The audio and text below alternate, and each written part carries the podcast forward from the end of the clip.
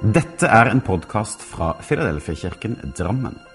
Vi ønsker å være en kirke for alle generasjoner gjennom alle sesonger i livet.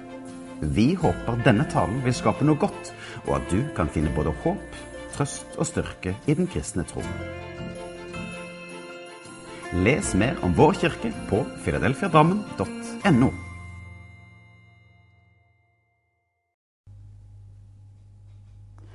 Har du hørt om denne leken 'Mitt skip er lastet med'? Den husker jeg lekte mye da jeg var liten, og særlig i barnehagen. Jeg satt og tenkte litt her om dagen, for nå har vi gått inn i et nytt år.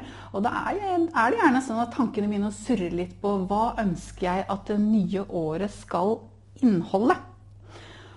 Og hvis du tenker deg et sånt et lasteskip med et sånt flatt dekk, hvor det heises konteinere på dette dekket. Det er plass til mange konteinere, og de kan også stables lagvis. Hvis du tenker deg at dette skipet, dette lasteskipet, er ditt liv, hva ville du ha puttet i disse konteinerne? Hva er det som er viktig for deg å ha med det neste året for at ditt liv skal være bra og meningsfylt? Noe av mine konteinere de skulle inneholdt Ja, én skulle vært tid med familie. En annen skulle vært Jeg har lyst til å lese en ny bok i år. Jeg er elendig på å lese bøker. Så én måtte være å lese en ny bok. En annen måtte da være å lese mer i Bibelen. Og så ønsker jeg meg en stabil økonomi. Jeg ønsker meg god helse. Og ikke minst friske barn. Og så ønsker jeg meg tid med venner. Og så ønsker jeg å smake noe ny mat. Jeg elsker mat. Og så er det så mye mer jeg kunne lastet mitt skip med. Men hvis båten lastes kjempetung av konteinere på toppen, og ikke har noe last i bånn, så vil det ikke ta lange tiden, og det vil ikke bli lange reisen, før du kjenner at skipet er ustabilt. Og når bølgene kommer og havets stormer velter inn mot skipet, så kan konteinere dette av båten, eller i verste fall så kan skipet kantre eller velte. Bunnen av skipet må også ha et innhold som gir skipet tyngde og stabilitet. En historie jeg leste og hørte mye da jeg var liten, det er fortellingen om de tre små grisene. Det var en av mine favoritter. Og nå skal jeg ta dere med i korte trekk gjennom denne historien. Det var en grisemor som hadde tre grisunger. Og en dag så tenkte hun at nå er det på tide at de flytter hjemmefra. Så hun ga dem denne beskjeden, og de pakket det lille de eide og la ut på tur i skogen. Men ute i skogen så finnes det farer og utfordringer, og den største av dem, det var ulven. Ulven var stadig sulten, og det beste han visste, det var jo en grisestek. Derfor så måtte de tre grisene være våkne, og de måtte være varsomme i sine valg på hva de gjorde og hva de kunne støte på ute i skogen. Det første de måtte gjøre, det var jo å skaffe seg et sted å bo. Og etter en stund så møtte de en mann som hadde en haug med halm og strå. Så spurte den ene lille grisen om han kunne få litt av dette for å bygge seg et hus. Og det fikk han. Og han bygde seg et hus av strå. Det var veldig lettvint, fort gjort, men grisen han var fornøyd. Og de to andre grisene de gikk litt videre. Så støtte de på en mann som hadde en haug med pinner. Og da spurte den neste lille grisen om han kunne få litt av dette for å bygge seg et hus. Og det fikk han. Og han satte i gang med å bygge. Det var litt mer avansert, men relativt fort gjort. Og han var fornøyd med huset sitt av pinner. Den tredje lille grisen møtte på en mann med en haug med murstein. Og han spurte om han kunne få litt av denne mursteinen for å bygge seg et lite hus. Og det fikk han. Dette huset tok litt lengre tid å bygge. Det blei svette, og det tok mange timer, for han måtte mure og holde på til dette var ferdig. Men igjen, etter en tid, så kom jo disse to andre brødrene hans og spurte om han ville være med ut på lek og moro. Men da svarte han nei. Han tok ingen pauser, for han ville bygge seg ferdig. Og det ble et solid og bra hus. Alle grisene var fornøyd med sine hus. Men en dag den lille første grisen sto og lagde seg middag i huset sitt, så banket det på døra. Og Han kikket ut av vinduet, og der sto den fæle ulven.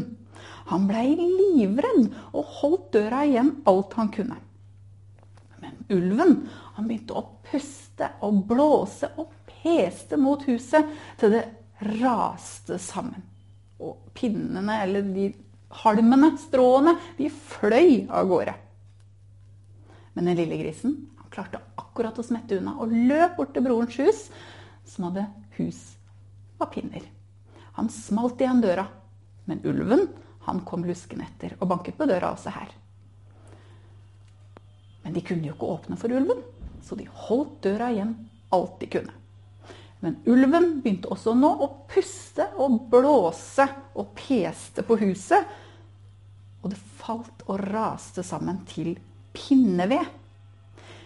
De, små, nei, de to små grisene de klarte akkurat å løpe unna og gjemte seg i huset til broren, som var bygd av murstein.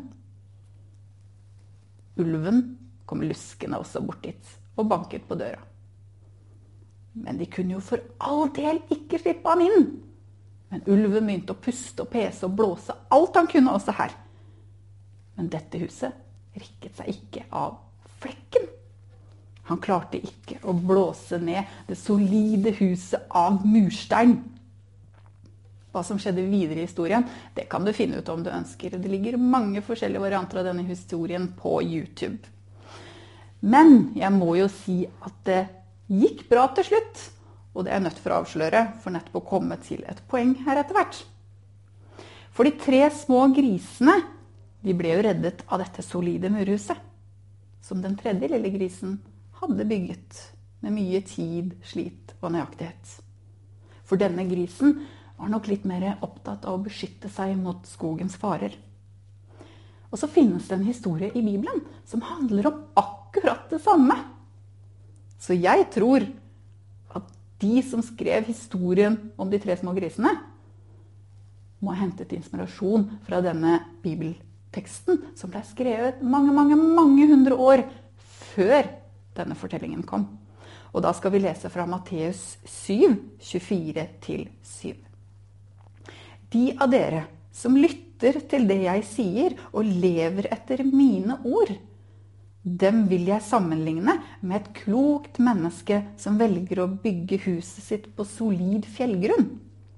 Et slikt hus tåler livets påkjenninger og enhver storm uten å bryte sammen.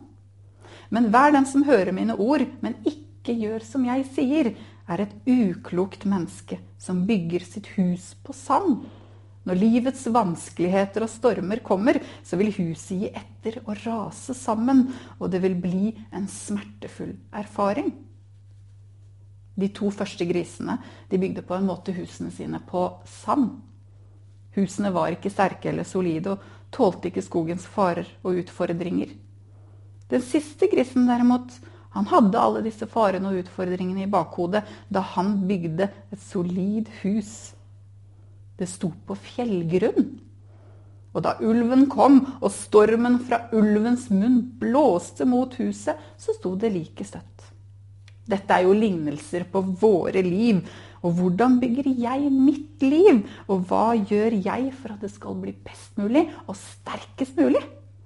Hva kan jeg gjøre for at mitt liv skal stå stødig når livets utfordringer kommer, ulvens pust og stormene kommer. Jesus han gir oss oppskriften ganske tydelig her i Matteus.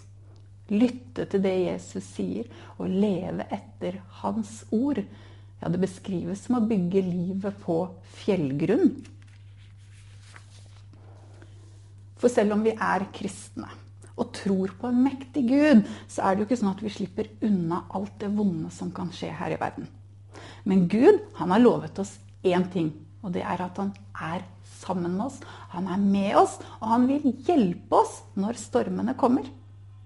Huset vil fortsatt bli stående. Nå skal vi gå til 1. Peters brev, kapittel 2, vers 4-6. Jesus ble forkastet av mennesker, men han er utvalgt og dyrebar for Gud. Når dere kommer til ham, som er den levende steinen, blir også dere som levende steiner. Han vil bruke dere til å bygge et åndelig hus, og dere er blitt som hellige prester for ham. Ved hjelp av Jesus har dere fått i oppgave å bære frem åndelige offer. Og slik skal dere leve til glede for Gud. Derfor står det også i Skriften Se, jeg legger en hovedhjørnestein i Sion. Den er utvalgt og dyrebar. Den som tror på ham, skal slett ikke ha noe å skamme seg over. Den som tror, kan derfor være stolte over at dere vil lene dere til hovedhjørnesteinen. Ut fra denne bibelteksten så har jeg lyst til å trekke fram fire ting. For det første så står det at når vi kommer til Jesus, som er den levende steinen, så blir vi som levende steiner. Ja, det tolker jeg det som at å tro på Jesus, det gir oss et spesielt liv. Vi får en sånn kraft og styrke som vi ikke finner noe annet sted. Ja, det er ganske heftig å lese at vi blir som levende steiner. For en stein det er jo noe av det mest døde vi kan finne ute i naturen. Ja, det må jo bety at vi skal få lov å oppleve oss som spesielt levende og verdifulle. For Jesus gir liv. Det andre jeg skal trekke fram, det er at eh, Jesus han ønsker å bruke oss til å bygge et åndelig hus. Philadelphia-kirken Drammen er over 100 år gammel nå. Og eh, bygget vi har, det er Ganske gammelt, det òg. Jeg er ikke helt sikker, men nesten tilsvarende gammelt. Men kirkebygget i seg selv er jo helt dødt om ikke det kommer levende mennesker inn til gudstjeneste. Så det er jo ikke selve huset som er det åndelige huset, men det er oss som er i huset. Vi er de levende steinene. Vi er menigheten. Men den viktigste steinen som vi skal bygge alt det vi gjør i kirken vår på, det er hovedsteinen Jesus. Han er den levende steinen. Og vi bygger videre slik han vil. Vårt oppdrag det er å bygge Guds kirke på jorda. Og Jesus han holder den oppe og gjør den sterk, solid og levende. Men så er det ikke bare kirken Peter snakker om her. Det åndelige huset vi skal bygge, det er også mitt liv, ja, ditt liv. Vårt eget hus. I første Korinterbrev 6 så kan vi faktisk lese at vi som er mennesker, jeg, er et tempel for Gud. Han bor inni meg, inni min kropp, i mitt hus. Tenk at Jesus vil bo inni denne kroppen, i dette huset. Og når Jesus vil bo inni meg, ja, da tenker jeg at jeg skal bygge livet mitt så solid at han vil trives å bo inni det. Det tredje jeg skal ta fram, er eh, som det står Jesus er hovedhjørnesteinen. Dvs. Si den steinen vi bygger resten av huset på. Når de bygget hus i eh, gammeltestamentlig og nytestamentlig tid, det vi leser i Bibelen, så, leser, nei, så bygger de husene sine av stein. Da var det sånn at de Det var ikke sånn som i dag, at vi får ferdig kappa stein og planker i nøyaktig glatte, fine kanter, størrelser. Alt er bare å pusle sammen. Nei, de måtte hugge disse steinene ut fra fjellet og ut fra naturen. Og da begynte de med denne ene steinen som de fant, og som de syntes var perfekt til å bygge videre på. Og den satte de i hjørnet, og så bygde de hele resten av byggverket etter denne steinen. Hovedhjørnesteinen blei malen. Jesus er hovedhjørnesteinen. Han er malen. Ja, min mal, mitt forbilde, og han gir meg veiledning på hvordan jeg kan bygge videre. Dette gjelder Kirken, men det gjelder også mitt liv. Den fjerde og siste tingen jeg vil ta fram, er det siste som står i denne teksten. Og det er eh, at vi skal være stolte over at vi kan lene oss til denne hjørnesteinen. Vi kan få lene oss til Jesus. Vi kan få stole helt og fullstendig på ham. For eh, ved at du lar Jesus bli en del av huset ditt, og bygger etter hans mal, så blir huset ditt sterkt. Du blir som denne kloke mannen som bygger huset ditt på fjell, eller som denne kloke grisen som bygde huset sitt av murstein. For med Jesus som hjørnesteinen i livet ditt, så er du aldri alene. Han er en del av deg, uansett hva som skjer. Han har lovet å være sammen med deg når stormene kommer. Han kommer med trøst, styrke, oppmuntring og visdom.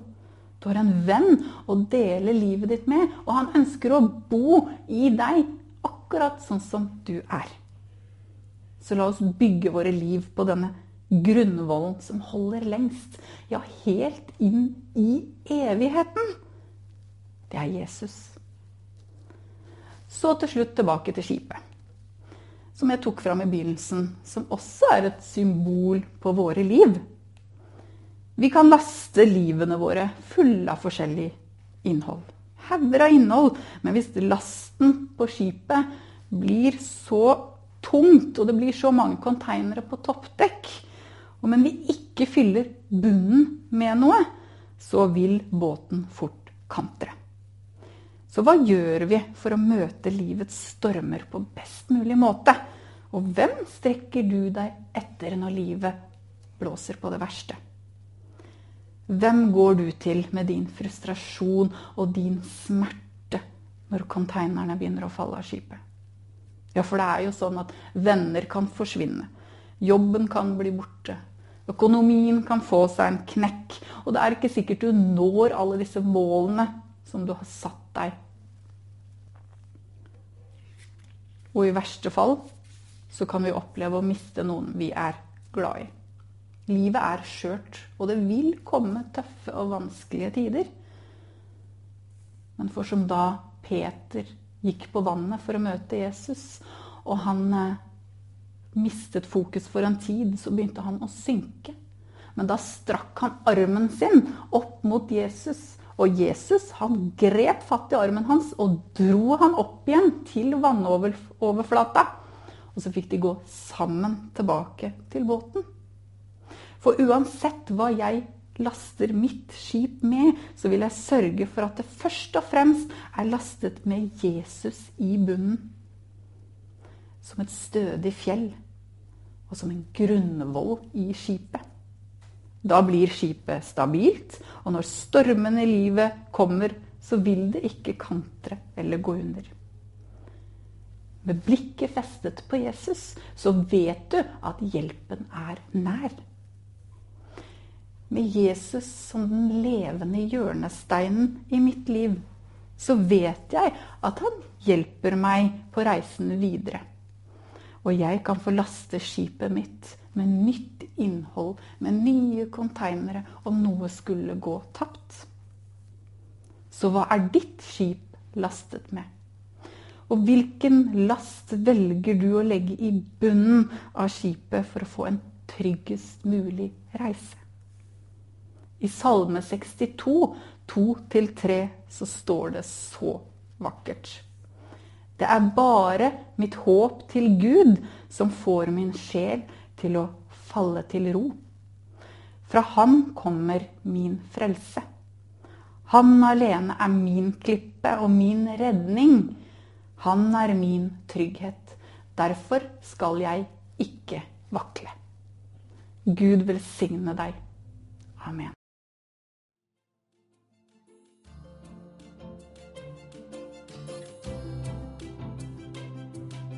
Som en avslutning på denne podkasten ønsker vi å lyse Herrens velsignelse over deg. Herren velsigne deg og bevare deg. Herren lar sitt ansikt lyse over deg og være deg nådig. Herren løfter sitt åsyn på deg og gir deg.